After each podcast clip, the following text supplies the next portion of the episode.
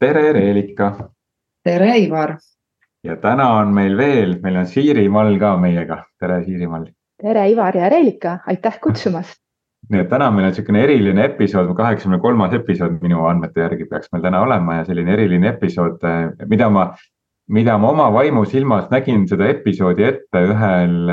ühel, ühel kevadisel päeval sõites Šveitsis ühest kohast teise olles juba kolm päeva seal Šveitsis olnud või kaks päeva ja siis mulle meeldis, et oota, aga Siirimaal elab ka Šveitsis, tahaks Siirimaaliga kokku ja räägiks, et kuidas, kuidas see elu on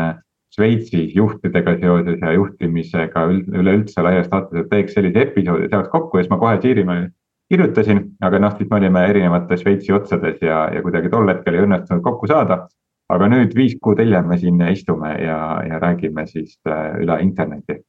ja, Eestis ja... õnnestus vahepeal siiski korra Feelmani kohvikus ka kohtuda, eks ja just, meil on õnnestus vahepeal ja, ja, ja minu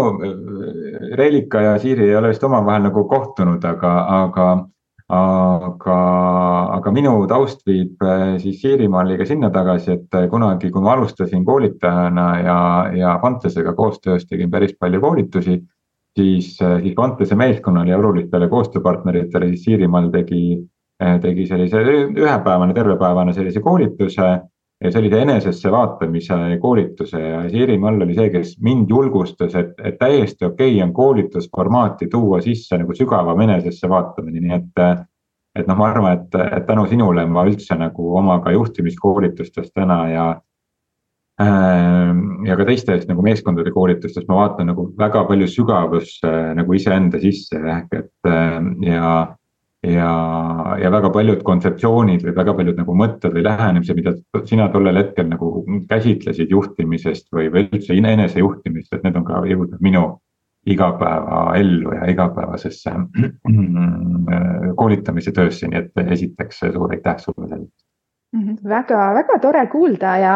ma võin omalt poolt ka jagada, et äh, minu jaoks tegelikult äh, nagu tolle nagu selle aja see Fontese koolitusgrupp on, on siiamaani üks minu lemmikuid kliente, et, et kõik nagu tulid nii hästi kaasa, vaata.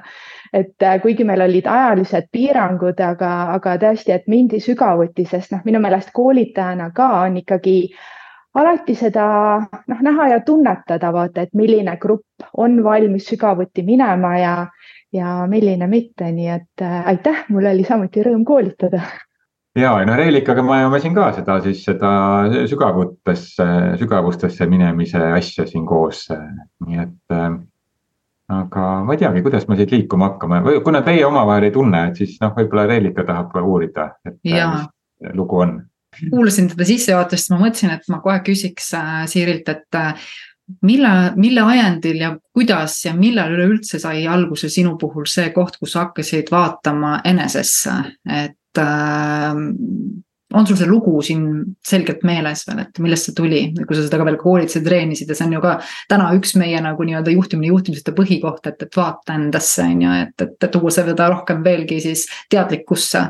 et kas sul on jagada meiega seda lugu, et seda oleks põnev kuulata? Äh, ja ma, ma arvan, et ja miks mitte Eesti kuulajaskonnaga seda jagada, sest äh, noh, tegelikult on ju tihtipeale ja ma võib-olla praegu tagasi vaadates ei võtagi nii-öelda enda lugu enam nii isiklikult, äh, sest tegelikult sellisel äh, nii-öelda koolituskarjääris äh, olles või, või juhtimisvaldkonnas töötades ma olen ise Šveitsis ka nii palju kokku puutunud, et just nagu tihtipeale nende juhtidega, kes on nagu radikaalselt midagi enda elus muutnud või ütleme, hakanud siis rohkem äh, iseenda sisse vaatama või on sellised psühholoogilised murdepunktid olnud, et noh, seal taga on tavaliselt alati siis selline isiklik lugu. Äh, minu lugu tegelikult ongi Eestist pärit, et äh, ma olin teismelisena selline võib-olla ka üsna tüüpiline selline Eesti nagu oivik siis koolis, eks ole, et mul pidid olema juba põhikoolis, eks ole, kõik viied, lisaks olin äh, klassivanem, ära võidetud sai tookord ka mingisugune äh, klassimissi tiitel, eks ole, ja siis tegin aktiivselt sporti mängisin sulgpalli, on ju, noh nagu võistluskeskkonnas ja siis oligi see, et noh, ükskõik, mis ma ette võtsin, oli ka teinekord suusatamine või korvpall, et nagu pidid automaatselt kõiges alati kõige parem olema. Äh, kuni siis selle hetkeni, et äh, mulle äh, tookord minu teismelise ajuna siis tundus see idee, et miks üldse inimene peab öösel magama, et nagu nii mõttetu, et sellel ajal ju saaks ka oma neid kooliraporte veel nagu perfektsemaks lihvida ja nii ma siis tegingi, et noh, ega mul ema aru ei saanudki, et algul on ju, kustutab laps toast tule ära, aga noh, siis varsti panin ta jälle põlema. Ja, ja niimoodi siis töötasingi ööd läbi ja, ja lihvisin enda aruandeid ähm, kuni siis jah, ühe hetkeni, et ma ei olnud vist noh, see periood oli tõesti vähemalt kolm kuud niimoodi, et ma öösiti eriti ei maganud või noh, ei maganudki maksimaalselt paar tundi ja, ja noh, äh, keha nagu ei pidanud sellele vastu, et siis tekkisidki need hetked, et hakkasid koolist koju minnes lihtsalt minestama. esialgu arstid ei saanud aru, äh, mis lahti on, on ju, algul arvati, et leukeemia, et miks need kõik verenäitajad nagu nii, nii allpool on.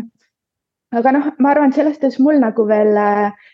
see õppetund nagu läks hästi, et midagi noh, sellest dramaatilist ei olnud, et avastati lihtsalt selline väga haruldane aneemia vorm aga mis mind vast kõige rohkem mõjutas, oli, olid need järgnevad kolm kuud, mis ma siis tookord Tallinnas lastehaiglas viibisin. Ja olin siiski ühes palatis nagu nende lastega, kellel tõesti oli diagnoositud siis verevähk või leukeemia. Ja, ja tõesti nähes nagu selle aja jooksul, kuidas äh, ja mõned, mõned lapsed ei, ei võidelnud äh, seda võitlust välja, kes olid võib-olla viie-kuueaastased tol hetkel nii et äh, ja kui ma siis lõpuks ise sealt haiglast välja sain, siis oli noh, oligi otseses mõttes selline tunne, nagu oleksid äh, sõjast läbi käinud, aga ise ellu jäänud, mis siis nii-öelda noh, ma arvan, selle vaatevinkli nagu hoopis äh, jah, teistmoodi paika panigi või noh, ja et noh, eks mul läks küllap ka aega, enne kui ma nagu ise hakkasin aduma, kuidas see kogemus äh, mind mõjutanud on, aga, aga siis oligi, et äh, esimeses töökohas on ju Ernst Youngis Tallinnas, kus oli ka selline õudne andmine ja tähtajad ja töötati ka läbi nädalavahetuste. Siis ma lihtsalt juba seal sain aru, et kui nagu teised olid tihti sellises suures stressis või, või väga suurtes emotsioonides, et mul oli kuidagi loomulikult arenenud selline omadus, et ma olin pigem selline rahulikum Äh, püüdsin näha suurt pilti, ei läinud nagu kõige selle draama ja negatiivsega kaasa, et, et vast jah, sealt äh, Äh, pikk lugu. väga ilus lühidalt sai see nagu journey nii-öelda alguse. nagu öeldakse, et igal sellisel katsumusel on tegelikult meie jaoks mingisugune väga hea siis õnnistus seal sees, et näeb, näha on, et, et äh, sellest on palju kasu olnud. et ei lähe kaasa selle äh, keerulise virvarriga on ju, et, et on või on võimalik jääda ka keerulistes situatsioonides ja keskkondades täiesti enda keskmesse on ju. jah, no me oleme siin hästi palju selles podcast'is ka rääkinud sellest äh, no sellist ülisaavutusvajadusest on ju, et äh, kogu aeg peab kõik hästi perfektne ja muudkui järgmiste tulemuste tagaajamine peab olema see, mida me siis äh, äh, noh, mille nimel me elame, on ju, et siis me oleme väärtuslikud, et kui me ikkagi oleme mingi tulemuse saavutanud ja siis me oleme hinnatud ja siis imetletakse meid ja oleme tunnustamist siis väärt, on ju, et. et mm -hmm tore, kui noh, ühtepidi tore, vaata, et kui saada juba suhteliselt varajases nooruses see kätte, et, et see ei ole päris adekvaatne viis tegelikult elada. Jah, seda küll ja, ja noh, võib-olla jah, täna siin ei hakka nagu enam nii äh, sügavuti süüvima, aga jah, loomulikult, eks, eks seal ongi need põhijuured veel kuskil, eks ole, lapsepõlves kinni või, või teinekord ka võib-olla alateadlikult ja sellised ülevõetud ootused mm, -hmm. eks ole, jah, et iseendale sellist survet avaldada just kuidas sa seda eh, Eesti eh, nii-öelda siis juhtimist eemalt vaadates täna meile nii-öelda peegeldaksid? Eesti juhtimist vaadates jah, nagu ma enne mainisin, ma olen tõesti üks kolmteist, neliteist aastat Eestist eemal olnud. aga võib-olla jah, kui tagasi mõeldes jah, eks ta oligi rohkem selline mis ta siis on nagu task focused või vähemalt tol ajal, et äh, väga suur jah, selline eesmärkidele keskendumine äh,. nüüd ma hetkel vabandan kuna on vaja kullerile üks pakk üle anda jah, jah, jah. No me võtame siis nii kaua sinuga, Ivar, äh, sõna üle, kuni Siiri tagasi on. nii huvitavaks elu... läks just teema. Ja, et noh, elu täpselt me siin enne ka salvestama asudes rääkisime, et, et Siiril äh, tuleb kuller ukse peale, et äh, ja, ja kuidas see kulleri hommikune siis saabumine oli, et ta ei, ei, ei oodanudki kolmekümmet sekunditki ära, et, et saaks teisest toast nagu kohale ilmuda, on ju, ukse peale et, et ka igas kultuuris on, on see, see selline kärsitus mingite pidi siis äh, sisse kirjutatud mm. -hmm ta ennem nii ilusti ka rääkis meile sellest vaatest, et äh, kuidas äh,, kuidas äh,, issand, jooksis need ära, jäin sind kuulama ja mõte jooksis ära tuleme tagasi. issand, kuhu, kuhu ta mind vedas nii ilusasse, ilusasse kohta oma mõtteviisiga aa, et meie oleme siin nii kasvamises ja arengus, et kui ta tõi nagu selle Šveitsi näite, siis seal on seda rahulikkust nagu väga palju, siis ma jäingi mõtlema, et, et huvitav, et see kasv ja see nii-öelda areng. et eks see ole ka võib-olla üks nii-öelda siis koht, millest me nagu nii rapsimises oleme, on ju. Šveits on meist tegelikult arengu mõttes ikkagi palju rohkem ees, on ju äh, ja Siirimaal nüüd on siin tagasi meil, et, et me siin vahepeal jõudsime natukene rääkida sellest, et, et sellest kärsitusest, äh, viidates sinu äh, kulleri, kui sa hommikul ei jõudnud ühest toast teise, et kolmekümne sekundiga talle vastu tulla, et kuidas see kärsitus, millest me ka oleme siin podcast'is päris mitu korda rääkinud, et see. see, see, see tahe hästi kiiresti edasi liikuda ja, ja kärsitult, et just, just ja enne jäi just olulise küsimuse pealt, pealt, eks ole, jutuajamine veidi pooleli ähm,. aga võib-olla jah, et, et ja, et kui võib-olla teiega praegu niimoodi peegeldada ja kaasa mõelda, et äh, võib-olla jah, üks nagu olulisi erinevusi on see, et äh, võib-olla jälle Eesti poolt vaadates, et Šveitsi juht on selline üliviisakas et noh, võib-olla nagu nii otseselt nagu sellist survet ei, ei avaldata või nii otsekohane ei olda näiteks kui võib-olla tüüpiline Eesti juht. et siin on ja palju selliseid Šveitsi rituaale, et isegi kui on näiteks mingi äri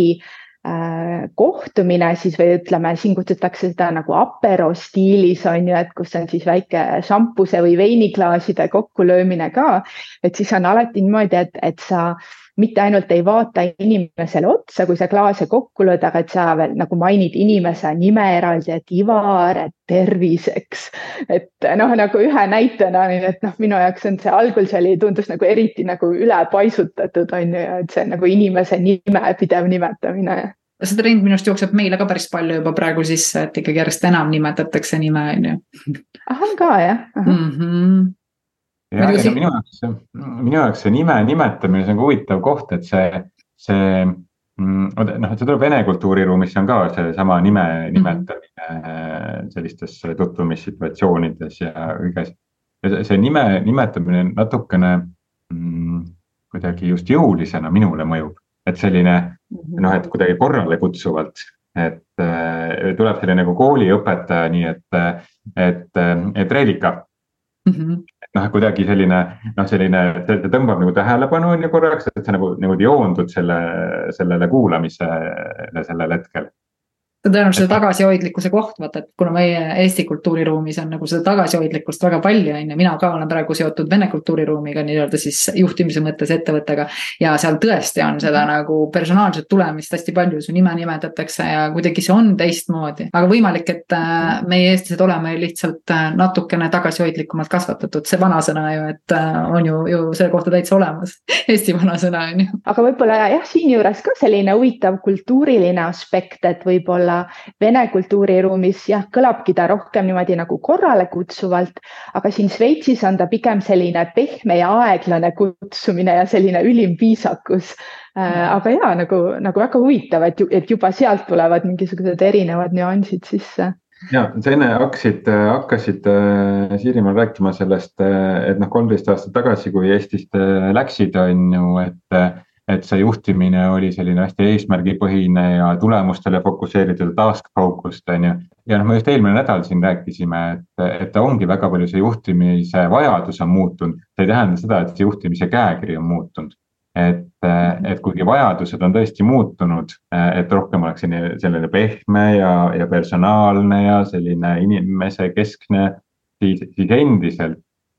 kui sa oled ikkagi näiteks olid kolmteist aastat tagasi juht juba, et sa valdavalt isegi võid kasutada sedasama käekirja endiselt edasi. ja, ja, ja olla see task focused ja, ja eesmärgipärane ja, ja, ja sellesse justkui, justkui nagu kinni jäänuna. ehk et, et ma ei ole üldse kindel, et kas see on tegelikult muutunud selle kolmeteist aasta jooksul mina võib-olla tooks siia juurde, et võib-olla siin natuke seda startup'i nii-öelda ettevõtlust vaadata, et seal on nii-öelda vägagi startup'i või selline tasking nii-öelda temaatiline on ju, et, et ma kaldun sinuga kaasa tulema, et, et tõenäoliselt see ei ole muutunud. ja see on vist võib-olla just vastupidi süvenenud, see on üks viis, kuidas arvatakse, et ettevõte kasvab ja liigub edasi, on ju, et, et kui sul on hästi palju task'e ja, ja need saavad tehtud, on ju. võib-olla siit ka nagu huvitavad paralleelid, et noh mina põhiaja oma nii-öelda tööliselt karjäärist siin Šveitsis olen veetnud suurettevõtetes, noh tõesti, kus ongi nagu sada tuhat inimest, eks ole, ja siis töötan äh, Šveitsi peakontoris et võib-olla jah, noh, suurettevõtetes ongi nagu veel hoopis omamoodi dünaamika ja kultuur muidugi, aga just viimastel aastatel, noh, ma umbes viis aastat tagasi ähm, äh, panin enda ettevõtte elevuse siis püsti ja ma just hetkel üks poolteist aastat olen pikema projekti raames nõustanud ühte Šveitsi siis, äh, mis ta eesti keeles on, selline ähm, health tech startup ehk siis nemad teevad selliseid smart sööte, on ju, äh, mis sa siis omale näiteks selle smart kella asemel paned lihtsalt pluusi selga ja mis sulle siis järgib, eks ole, sinu, ma ei tea, heart rate variability ja kõiki erinevaid nagu tervisenäitajaid. ja seal noh, ongi nagu ka hoopis teine maailm, et ikkagi selline startup, scale-up'i maailm, viiskümmend töötajat ja, ja seal käib tegelikult täpselt samamoodi, kui ma nüüd mõtlen, et ka need OKR-id, eks ole, objective key results ja, ja ka selline tohutu tempo, tohutu andmine, et isegi seal nagu konsultandina kambas olla on, on ka selline väga-väga tihedad tähtajad ja, ja kiire töö jah, sest see ei ole ju halb, ega see, see task mhm. focused ja eesmärgipärane ei ole ju halb ja seda on igas ettevõttes vaja ettevõtte jätkusuutlikkuse nagu tagamiseks ja ettevõte eriti on selline nagu startup'i või selline algusfaas veel eriti, et. aga küsimus on selles nagu balansis minu meelest, et see nagu ei, ei jääkski ainult selleks, et me suudame ka noh, seesama juht või me suudame ka seda balansseerida läbi selle, et meil on ka teatud formaadid selleks, kus me lihtsalt oleme pehmelt inimesed või, või et me me üldse julgeme olla inimesed ja kusjuures üks huvitav asi, mida ma praegu äh, märkasin, et, ähm, et ma ei tea, kas see nüüd sellest, et see, see noh, et, et sa oledki vaata distantsilt äh, äh, ja, ja see, seetõttu sa ei pelga jagada neid lugusid, kus sa oled ise olnud või on see sellest, et see on see, see Šveitsi mõttelaad, mis on sind juba nagu mõjutanud nii palju, sest et mida mida Eestis, et kui, kui Eestis satuvad kokku, noh, kui meie siin arutame siin Reelikaga erinevatel nädalatel. Siis noh, me ikka noh, nii ääri-veeri ülikaugelt kuskilt, mhm. et keegi ometi ei tunneks ära, et, et see on see ettevõte või midagi, millest me nagu räägime. ja see ei ole nagu esimene kord, kui ma seda nagu tähele panen, et noh, Siirimaal ikka praegu on ju, ma panin seda tähele, aga seda mitu korda ma olen tähele pannud, et kui puutuda kokku mõne teise nagu teises riigis elava inimesega, kes räägib näiteks konsultandina või juhina oma tööst ja kus ta on töötanud ja kellega ta töötab koos. Et räägitakse niimoodi, et noh, suhteliselt noh, kerge on nagu paari guugeldamise tulemusena aru saada, et mis on see ettevõte, kellest juttu on, on ju. ja, ja aga meil on see Eestis sihuke kuidagi selline noh, kui hästi lukus see asi, kuigi noh, Šveits ja Eesti selles mõttes ju noh, ei ole noh, et a la, et ma ei tea, Hiina turg ja Eesti turg, et noh, et, et noh, samu on nagu kümneid on ju, Šveits ei ole ka ju mingi tohutu suur maa on ju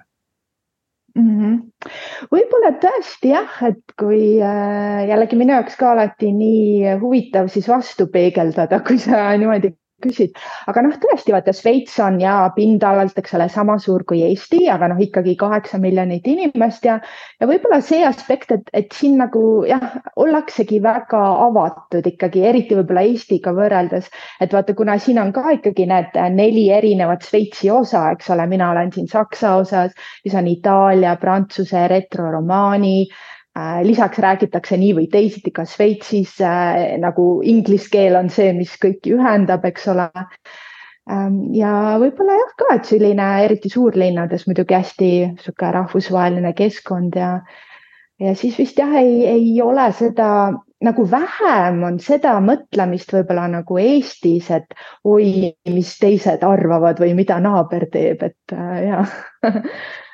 jumal tänatud selles mõttes, et ega, ega, ega me ka siin ju tegelikult läbi nende kõikide siis suurte rapsimiste ja kasvu, mis me siin teeme, ma arvan, me ühel hetkel oleme täpselt samas kohas. et mm -hmm. see on okei okay,, et me tegelikult kõikidest nendest kogemustest, asjadest räägime avatult ja avalikult ja, ja need ongi need kohad, kus me saame siis põhimõtteliselt ju äh, nagu kasvada, on ju, et mitte nagu nii-öelda kogu ära peita neid asju, et, et praegu me veel oleme peitmise faasis, me oleme minu meelest veel ka väga tugevalt personaalselt võtmise faasis. mis tõenäoliselt seal kultuuris on juba vähem, on ju, et ei võeta enam nii isiklikult kõike, sest teadus on nii palju arenenud, on ju, ja avardunud juba, on ju. et saadakse aru, on ju. ja minu arust, mis ma tahtsin ennem välja tuua, mida ma panin tähele, on see, kus me rääkisime sellest, et ikkagi ka seal on seda seda rapsimist ja seda ülikiiret tempot ja nii edasi ja, ja kui ma toon tagasi siia meie jutu algusesse, kus sa ütlesid, et see tegelikult nõuabki seda eneseteadlikkust, on ju. et sa tead, et sa ei anna ennast ära ja sa tegelikult juhid ise seda kõiki asju, on ju, muidu see hakkab lihtsalt sind sisse tõmbama ja ta tõmbab sind sinna keerisesse ja ühel hetkel sa oled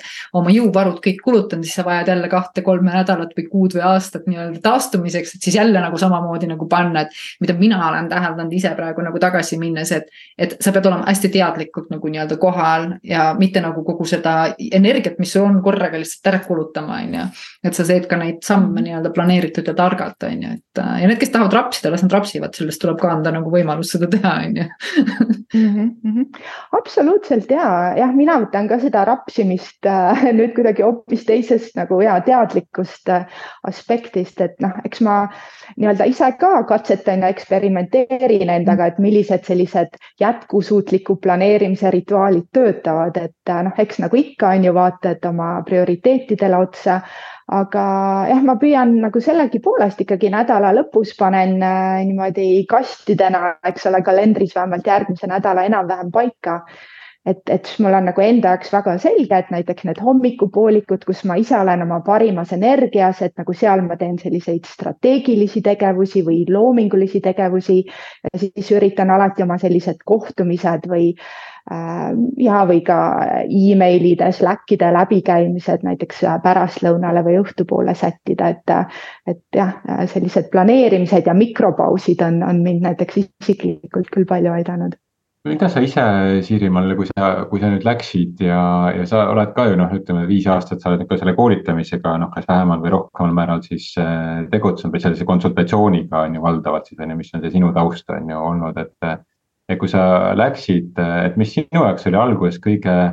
nagu üllatavam, aga just sellise nagu positiivse nurga alt, et sa võib-olla nagu meeles sellest ajast veel, et noh, et vaata, vaata selline asi võiks küll nüüd nagu Eestis ka olla või no alguses me ikka vaata kuhugi lähme mujale kultuuri, me hakkame võrdlema, noh. et siin on see parem, meil oli see parem, see ja noh, kas sa mäletad ka midagi sellist organisatsioonide ja juhtimise kontekstis ka sellist kohta, et sa mõtlesid, vot, vot siin on see küll nüüd palju parem, et seda võiks Eestisse ka üle võtta no kui ma algul äh, samas ettevõttes siis oma tööd alustasin Šveitsis äh, võib-olla, mis üllatas, noh, esialgu oligi see, et oi, et äh, samu asju tehakse, aga palju nagu rahulikumas tempos äh, ja võib-olla rohkem läbimõeldumalt äh, siis muidugi noh, äh, tol ajal eriti, ma arvan, praegu vast see enam ei ole, et enam-vähem ka samal nagu ametipositsioonil oli järsku palk enam-vähem kolm korda kõrgem, eks ole ähm,. aga võib-olla noh, ma pean tunnistama, ma olin tol ajal tegelikult võib-olla ise ikkagi küllaltki noor, et võib-olla sel ajal mind nagu sellised korporatiivsed hierarhiad nii palju ei häirinud. minu jaoks olid lihtsalt väga inspireerivad järsku nagu kõik sellised rahvusvahelised võimalused. et äh, noh, minu kliendid olid, eks ole, tol ajal enamus rahvusvahelised ettevõtted, oli väga palju reisimist äh, väga palju ja selliste oma on ju äh, tippala tegijatega mõtteid vahetades just HR-i äh, organisatsioonide arendamise, juhtide koolitamise valdkonnas. Ähm, et võib-olla ja need olidki nagu need sellised suurimad erinevused ja noh, siis loomulikult ikkagi äh, aga see elukvaliteet või vaata need pealetööd võimalused on ju, et, et lähed, ma ei tea, mägedesse matkama või poole tunni kaugusel on, on sellised kuulsad suusamäed. aga muidu võib-olla, kui, kui sellisest korporatiivorganisatsioonides juhtimisest rääkida, ähm, noh, tegelikult ju see, miks ma lõpuks sealt maailmast ära läksin, oli ikkagi see, et noh, hiljem ka farmaatsiasektoris, et ikkagi äh, nagu see organisatsiooni kultuur, ta on ikkagi väga toksiline ja väga selline autoritaarne ja hierarhiatele nagu üles ehitatud, et noh, algul või noh, lihtsalt veab, vaata sul veab, on ju, et kui sul on selline hea juht, kes sellisest hierarhilisest struktuurist hoolimata nagu piisavalt sellist autonoomiat ja, ja vastutustunnet pakub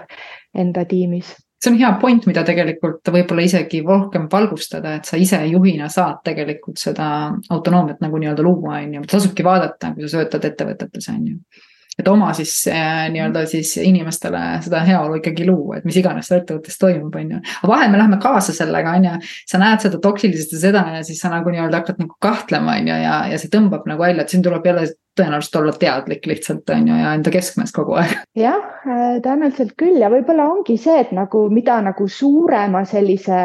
organisatoorse mehhanismi sees sa oled, seda rohkem seal tekib nagu sellist Eh, egode omavahelist kokkupõrkamist ja, ja siis eriti hierarhia järgi, et noh, hiljem ka on ju, kui ma ise ütleme, olin ka regio, regionaalsel tasemel HR-i eh, juht, siis isegi seal, et noh, ütleme, kui nagu globaalse siis ettevõtte juhi ja sinu vahel on, on ju veel, ütleme seal globaalne HR-i juht ja võib-olla üks siis mingi globaalne regiooni juht ka veel, et siis ikkagi ka seal tasemel jäi alati see, et oi, et kellega nüüd Siirimaal räägib ja, ja kuidas ma on ju selle valdkonna juhiga julgesin otse rääkida, et noh, mingi selline nagu võimuvõitlus on, on sellistes organisatsioonides kahjuks väga paljudes, ma arvan, endiselt toimimas mind nagu see kuidagi, see on nagu nii hästi, kuidas sa vaata nagu ütlesid praegu seda, et. et see on asi, millega meil tuleb nagu aktsepteerida, et kui me oleme kuskil organisatsioonide ja tõesti, mida suurem see organisatoorne nagu seltskond või see, see organis-, organiseeritud nagu äh, kooslus on, on ju, et siis seda rohkem seda egode nagu võitlust seal on. ja, ja see,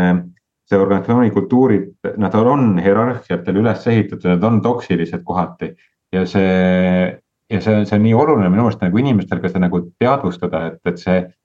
et, et see on lihtsalt see, mis on osa organisatsioonide nagu kultuurist ja see lihtsalt tekib sinna. ja, ja me võime seda nagu, iga juht võib seda nagu üritada muuta, aga, aga see on mingil kujul ta jääb alati sinna nagu sisse, eriti suurtes organisatsioonides. ja küsimus ongi sinu enda keskmes olemises, et, et sa suudad olla iseendaga, mm, võtta rahulikult seda, et mm ja, ja mitte minna, et issand, noh järgmine organisatsioon jälle samad jamad on ju, et, et jälle ma pean kõige sellega nagu tegelema, et miks siin see organ-, noh see organisatsiooni äng, mis siis hakkab nagu kasvama. et äh, minu jaoks on see olnud äh, mm, hästi keeruline äh,, kui ma organisatsioonis nagu töötasin. ma ei, ma ei osanud seda niimoodi sõnastada, noh täna hiljem, kui nüüd tegeleda erinevate organisatsioonidega, et nõustada, konsulteerida, koolitada on ju üks-ühele tööd teha siis see sõnastus äh, täpselt nii noh, ongi või, või, või see mõte umbes säärane aga, aga mõned, kes on lugenud mu raamatut, on öelnud ka, et see on nagu sellist organisatsiooni ängi täis. aga mm -hmm. ma ei osanud sellega tol hetkel tegeleda, noh, see, see, mis sealt nagu raamatus ka nagu ka tuleb, on ju, noh, et kuidas sellega võib-olla siis tegeleda, kuidas iseendaga kontakti nagu saavutada, on ju. ja see kuidagi praegu nii kõnetas mind see, et see, et me mõnikord lähme siis üritame, võtame veel endale seda koormat nagu juurde, et noh, näeme siin näiteks HR juhina, kes on siis justkui selline kultuurisüda on ju ja siis veel eriti see suur nagu ülesanne tundub seda kõike kultuuri muuta. aga, aga mõnikord ongi see asi, mis lihtsalt organisatsioonis on ja see tuleb nagu endal, enda sees nagu rahu teha sellega, et mis suur, eriti suurtes organisatsioonides on. ja ma ise ka nagu aega nuputasin täpselt sama küsimuse kallal, kui ma veel seal suurorganisatsioonis olin, sest noh, täpselt nagu sa räägid, ma olin ka ise nii õhinad täis, eriti oma viimastel aastatel seal, kus äh, nagu minu vastutuse alla tuli ka siis äh, Euroopa tippjuhtide äh, nagu koolitusprogrammi kokku disainimine, siis ka nagu maailma parimate ülikoolide ja koolitajatega, meil oligi seal St Galleni ülikool, Oxfordi ülikool pundis ja, ja mina mõtlen ka, et oh, nii äge, et tõmbame, et võib-olla nagu selliseid noh, sisekaemusi ikkagi ei saa nagu nii üks-ühele kohe sellisesse suurorganisatsiooni sisse tõmmata. aga noh, alustame sellest, et meile tuleb seal mõni tuntud selline siis äh, neuroteadlane, eks ole, rääkima kasvõi natukenegi isejuhtimisest ja, ja kuidas meie aju toimib ja miks, kui me iseennast teadlikult ei juhi, miks siis meie aju äh,, kuidas meie aju kemikaalid meid juhivad ja kasvõi sellest alustada. Aga isegi seal ma mm, nagu ka sattusin kohe algul ka siis ise äh, keerulistesse sellistesse jällegi pooleldi nagu egovõistlustesse sisse, et oi, et kuidas ma nüüd kõike muudan ja, ja nii palju ja, ja keegi kindlasti juhtidest ei lähe sellega kaasa aga siis äkki ongi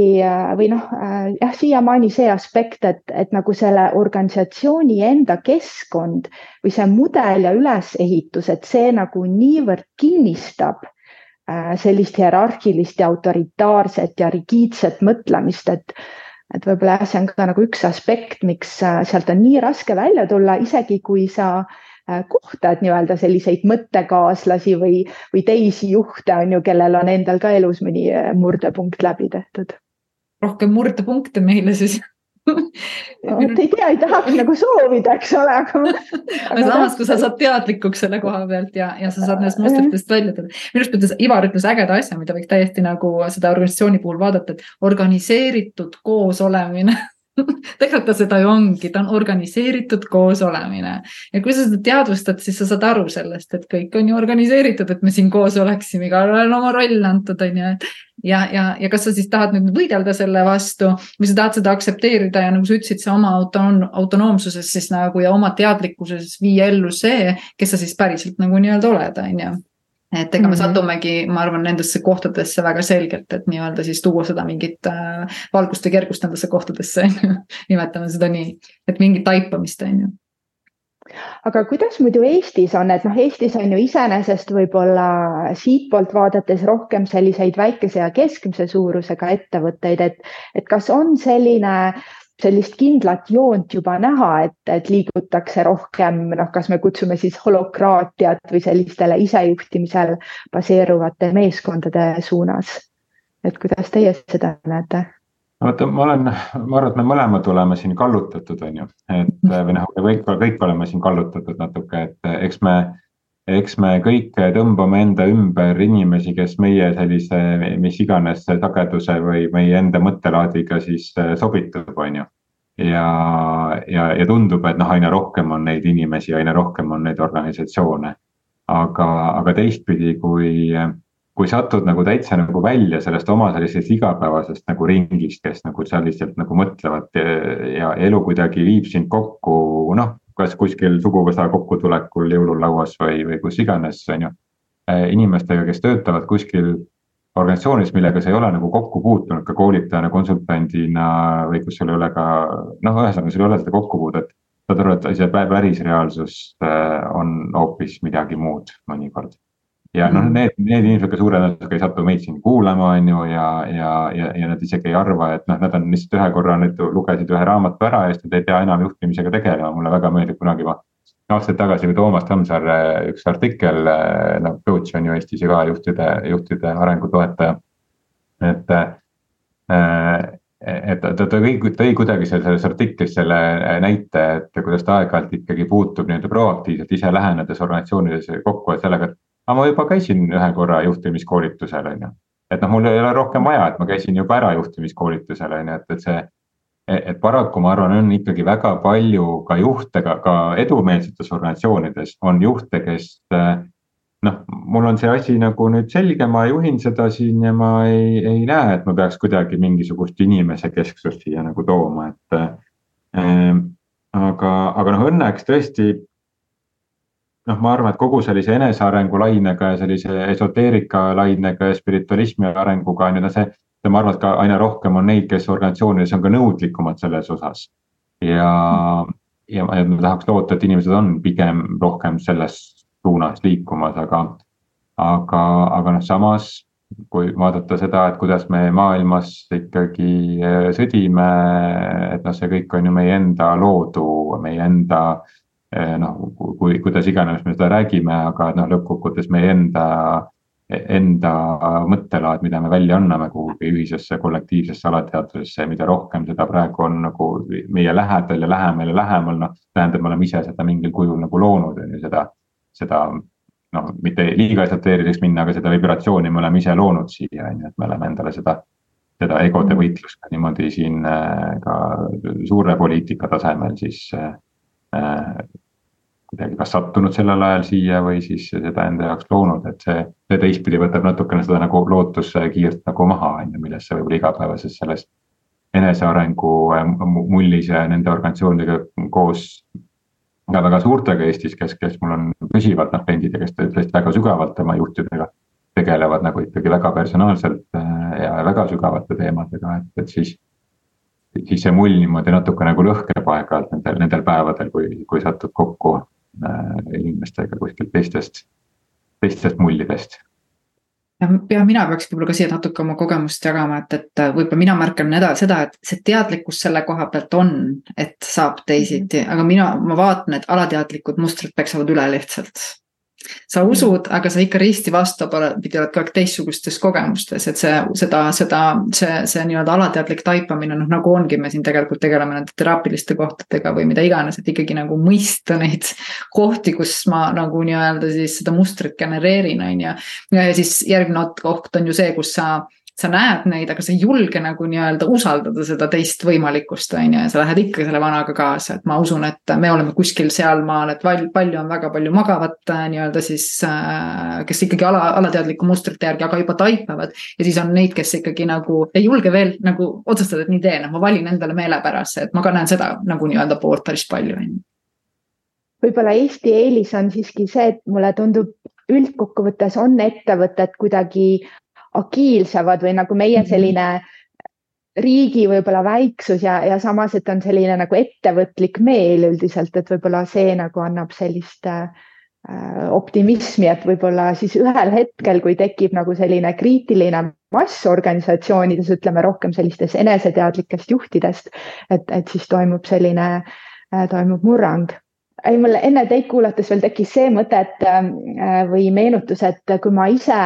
veel olin sellises suurorganisatsiooni kultuuris sees, ma mäletan, et ühel hetkel ma mõtlesin, et ma kasutangi seda keskkonda nagu iseenda arengu treenimiseks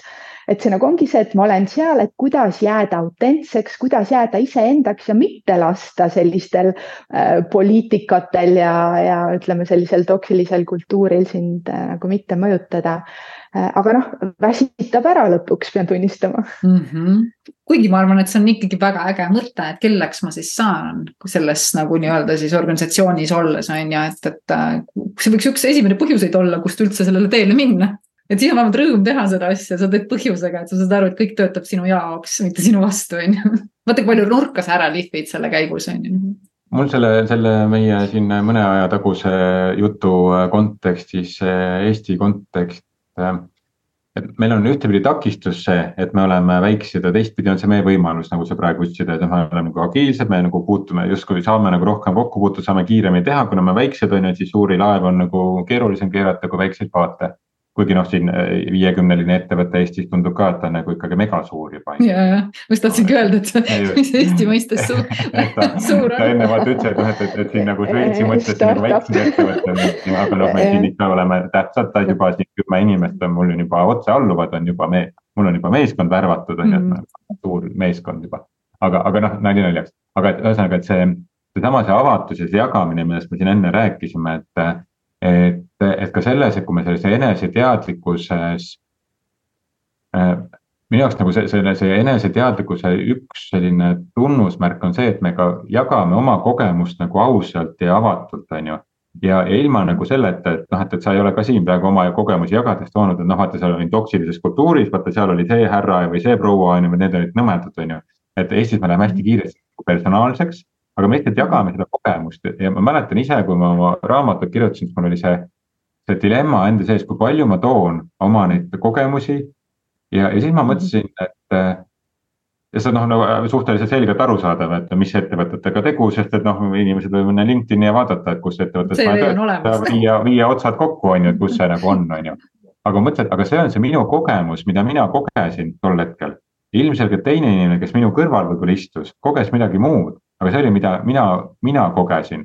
Ja oli see siis need positiivsed asjad või olid siis asjad, mis mulle tegid haiget tollel hetkel, et, et see on see minu kogemus ja kui kelle, kedagi nagu toetab, kus iganes nemad, mis logo all nemad siis seda tööd teevad, on ju et, et kui see neid toetab, et kuidas sellistest keerulistest kogemustest nagu läbi tulla või kuidas mingit positiivset kogemust luua.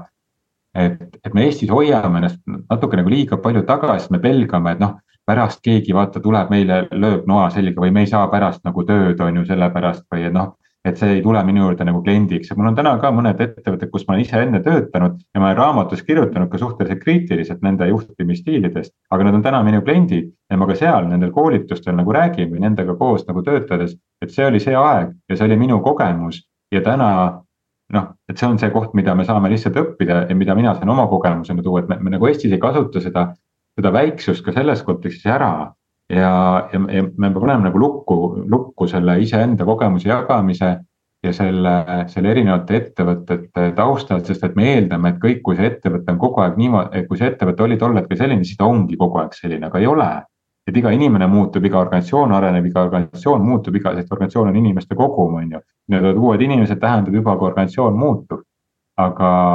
aga me, me ei too oma kogemusi nagu kuidagi päevavalgele nii nagu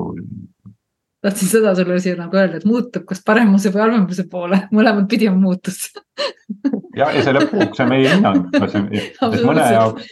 mõne jaoks muutub halvemuse poole, teise jaoks muutub paremuse poole, et, et noh, see on see, millal me vajame erinevate tugevustega inimesi organisatsioonidesse mm. -hmm. ja aga, aga noh, hakata nüüd siia nagu lõpupoole nagu triivima, et siis ähm, Mm, noh, üks küsimus, mida täitsa lõpuks tahaks küsida, et kuidas sinu kohta Siirimaal nagu, et kas sa teed eestlastele ka nagu tööd nagu nii, nagu sa Fontosega tegid, meil on ju Zoom'is on ju, et see on nagu sinna lõpupoole, et kuidas sinu kohta veel teada saada, aga enne seda, kui me sinna jõuame. et, et et mis nagu võib-olla nagu keeruline vastata sellele, aga mis sa nagu soovitad Eesti organisatsioonidele ja võib-olla mitte nii väga nagu juhtidele, aga just nagu inimestele, kes töötavad juhtide alluvusel, kes võivad olla ka ise juhid muidugi. aga mida nagu silmas pidada, et nagu liikuda sellise nagu rahulikuma olemise poole või, või mitte võtta seda organisatsioonides paratamatult tekkivat toksilisust nii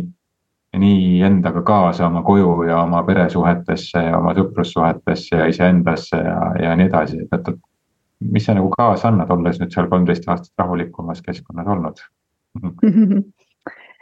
No vast ikkagi äh, see nõuanne tuleb spontaanselt, et äh, ikkagi äh, enda elurool, eks ole, enda kätte võtta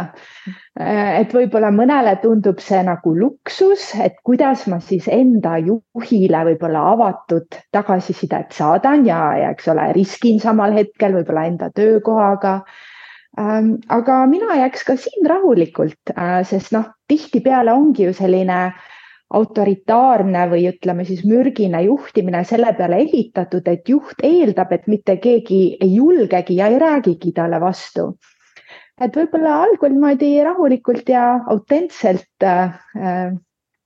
enda seisukohti rääkida äh,. kindlasti ka sellise non-violent communications põhimõtetel on ju, et nagu enda emotsioonidest ja enda vaatenurgast äh, lähtudes, mitte juhti süüdistades äh,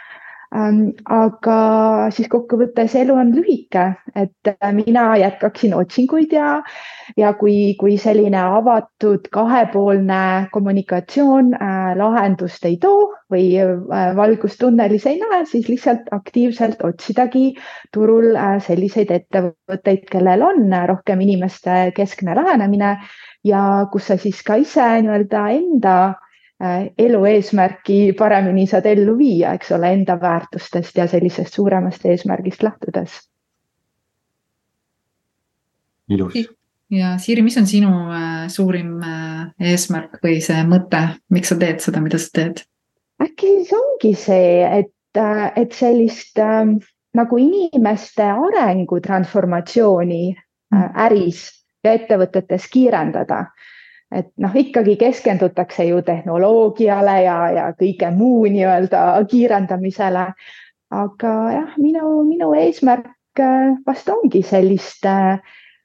positiivset elevust ettevõttes tekitada, aga eelkõige läbi enda võib-olla siis kogemuse ja inspiratsiooni jagamise jah, et teised inimesed nagu leiaksid selle punkti, kus nad tahaksid iseenda arendamisega alustada või edasi liikuda mm,. hästi armas mõte, saavad olla nemad ise, on ju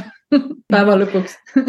Ja, ja kusjuures üks äh, praktiline äh, manifestatsioon või mis ta siis eesti keeles on või minu üks äh, selliseid unistuste projekte ongi ka see, et ma olen praegu siin Šveitsi, Itaalia osas püsti panemas sellised mõnusad nagu disain retreat'i keskust mm. või siis sellist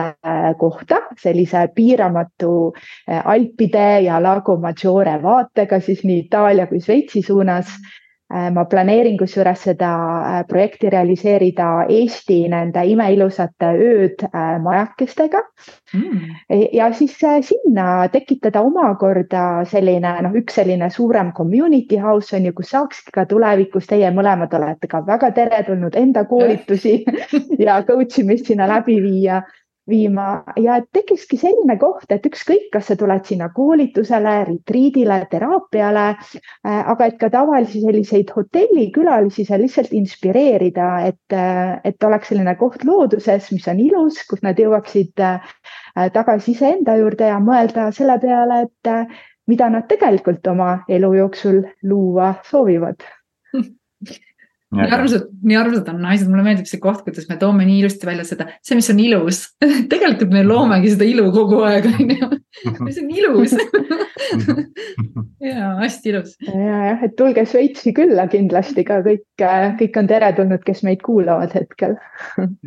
et äh, ja, et Siirimaal Musten siis jah, et, et ma perekonnanimi jäi siin täitsa alguses ütlemata, aga eks meil podcast'i nimed ja pealkirjas on see väljas, aga kuidas, kuidas Siirimaal sinu kohta üldse teada saab rohkem, kui inimestel tekkis huvi sinu kohta, et sinuga tahaks koostööd teha või arutada, et, et see mõttelaad on kindlasti meie kuulajatele äh,. ma arvan, väga südamelähedane, mida sa jagasid, sest see on ka sarnane, mida me Reelikaga jagame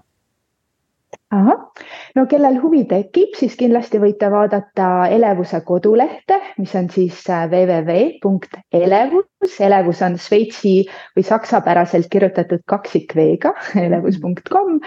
Äh, et äh, sealt saab ehk mõtteid juurde ja loomulikult siis jooksvatest projektidest ja, ja mida iganes ma internetis jagan, siis põhiliselt ikkagi LinkedInis et ka seal on minu teada ainult üks äh, Siirimaal Musteni profiil, et äh, võtke ühendust. Nii et kõik võtke ja pange ennast jälgijateks ja vaadake ja, ja toimetage kaasa, on ju, et siit on kindlasti ägedaid ideid leida. Ja, ma teeks sellise ringi siia lõppu, et, et igaüks saaks kuidagi nagu öelda seda, et, et mis oli selles meie tänases äh, koosviibimises sinu jaoks kõige väärtuslikum või olulisem? ma võin ise teha otsa lahti